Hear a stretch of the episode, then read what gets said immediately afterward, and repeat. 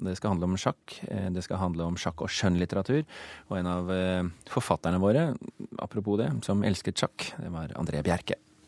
Jeg har beskrevet i en, en liten sonett et dikt som heter 'Kunstverket', som handler om sjakkspillet. Hva gjør en mann til kunstner? Ingen vet helt bestemt, men ofte er det nok at han har sære vaner. Pannelokk er full av vin og full av hemmelighet. En komponist, en maler, en poet kan bløffe selv kritikkens kloke flokk. Det finnes ingen sikker målestokk som garanterer verkets kvalitet. Alene sjakkens kunst har faste normer for godt og dårlig.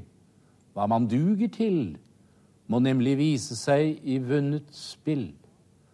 All bløff blir avslørt der, i alle former. Og derfor bør den sanne kunstner vie seg til det sanne kunstverk, sjakkpartiet. Ja, Dette var stemmen til den litt over gjennomsnittet sjakkinteresserte forfatteren André Bjerke, altså. Fredrik Vannerup, eh, journalist i Dagbladet, hva syns du? Veldig fint. Dette, dette, diktet har jeg jo lest før. Og han, eh, André Bjerke skrev jo også en fantastisk eh, selvbiografi gjennom sin sjakkinteresse som heter 'Spillet i mitt liv'. Og han har også en novelle som heter 'Et sjakkparti', hvor han, en krimnovelle, da.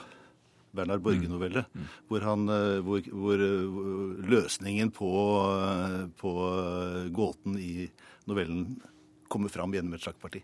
Nemlig. Hans Olav Lahlum, har du hørt dette før? Jeg er ikke sikker på om jeg har hørt akkurat dette før, men jeg kjenner jo selvfølgelig en del til André Bjerke og hans uh, forkjærlighet både for uh, sjakk og krim, ja.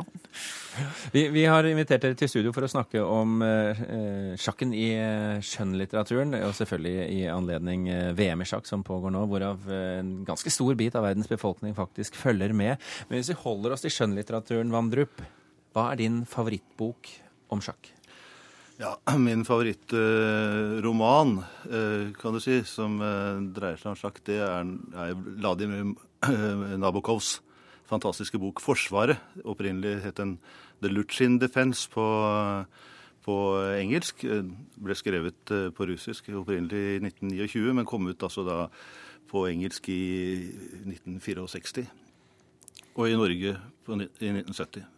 Og Det handler da om en sjakkspiller som heter uh, Lutsjin, og skildrer hele hans oppvekst. Han, ikke helt ulik Magnus Carlsen. Fantastisk uh, begavelse. Som, som, da spiller seg opp og blir stormester, og som, uh, som aspirerer til verdensmesterskapet. Og spiller en slags sånn semifinale mot en italiensk spiller, og da har han spekulert ut på forhånd dette Lutsjin-forsvaret, som, som jo da han har studert sin motstander, og så viser det seg at motstanderen spiller helt annerledes enn han hadde beregnet. Ah. Og så bryter han sammen og får et, uh, går nesten inn i en psykose.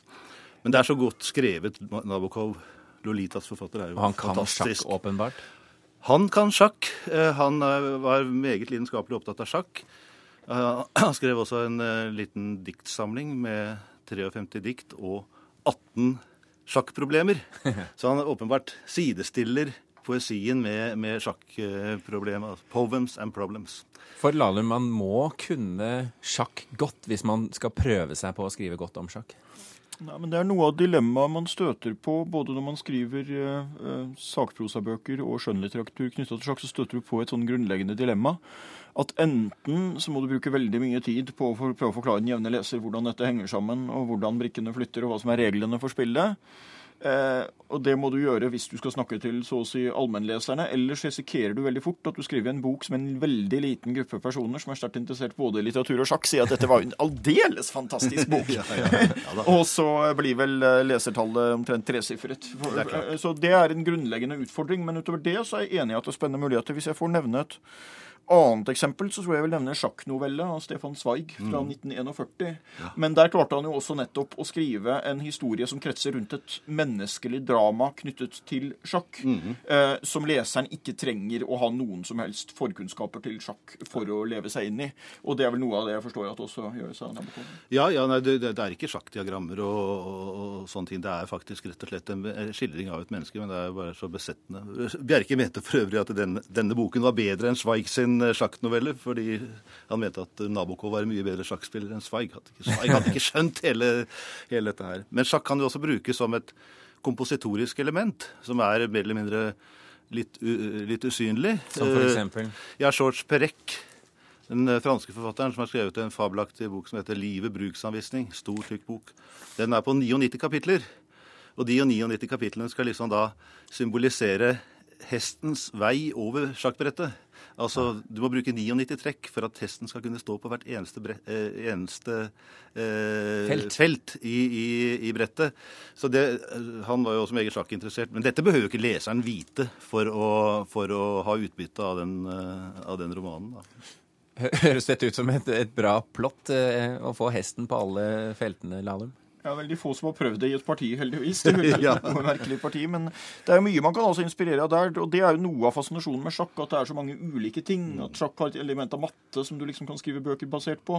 Så har det et element av strategisk planlegging som du kan skrive eh, bøker om. Og så er det jo ikke minst direkte historiske begivenheter. Nå ser jeg jo at en av de islandske krimromaner som vel også er oversatt til norsk, da, eh, Arnaldur Indridasons 'Tvekampen', handler jo om en begivenhet som faktisk er ganske stor i islandsk historie, nemlig VM-matchen i 1972 mellom Fischer og Spassky midt under den kalde krigen. Og du har jo også i andre deler av kulturlivet, f.eks. musikalen Chess, som jo da er basert på Karpov-Kortsjnoj-VM-matchene senere. Så i, i, eh, gjennom store deler av den kalde krigen, og også for så vidt andre tidsperioder, så har jo dette vært veldig store begivenheter som veldig mange mennesker eh, verden rundt har fulgt med på, som nå. Heldigvis er det denne gangen sjakken som står i fokus. Ikke sant? Og så er det, rent sånn historisk så er det jo ikke sant, det er, Du har bøndene som ofres, og du har spring, ridderkorpset, og du har kongen og dronningen. og så Det skulle kunne ligge litt dramatikk i det også? Hver, hver eneste brikke har jo sin eh, symbolske verdi, eh, hvis man eh, går inn på det på den måten. Og det er jo også slik at hvert eneste trekk på et vis har springer ut av et tidligere trekk. og det det, det, det,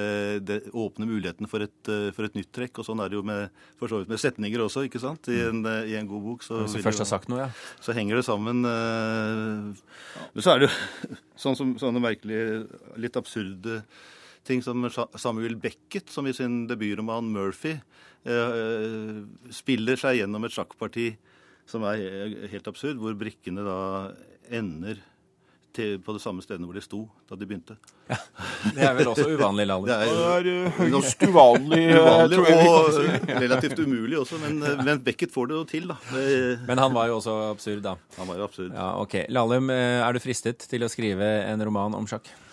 Jeg har blitt spurt gjentatte ganger om jeg skal skrive en krimroman fra sjakkmiljøet. Og svaret på det er nei. Det har jeg ingen planer om av nevnte grunn. Altså at jeg ser for meg at det ville blitt en bok som noen få personer med spesiell interesse for begge dere ville likt veldig godt, og som ville skutt over hodet og blitt litt for skjært eh, for eh, det store flertallet lesere. Men jeg skal ikke utelukke at jeg en gang i fremtiden, hvis jeg får en god nok idé, kan skrive en roman som på en eller annen måte er knytta til sjakk, og som kobler sammen sjakken og livet. For det er flere likheter der enn man skulle tro. Det går jo bl.a. på dette med at man må ta en del valg. Noen bondetrekk som du ikke kan gjøre om, hvor du liksom må fortsette hvis du har gått fremover. Noen trekk du stadig kan, eh, eh, ka- kan revurdere. Så gjelder det å planlegge flere trekk fremover i livet og se hva som blir konsekvensene av det. Så det er veldig mange, ikke minst på det psykologiske planet, så er det veldig mange spennende ting å gripe tak i her. Men noen sjakkrim, altså med en krim med handling fra sjakkmiljøet, det har jeg da ulike årsaker funnet ut at jeg ikke bør skrive.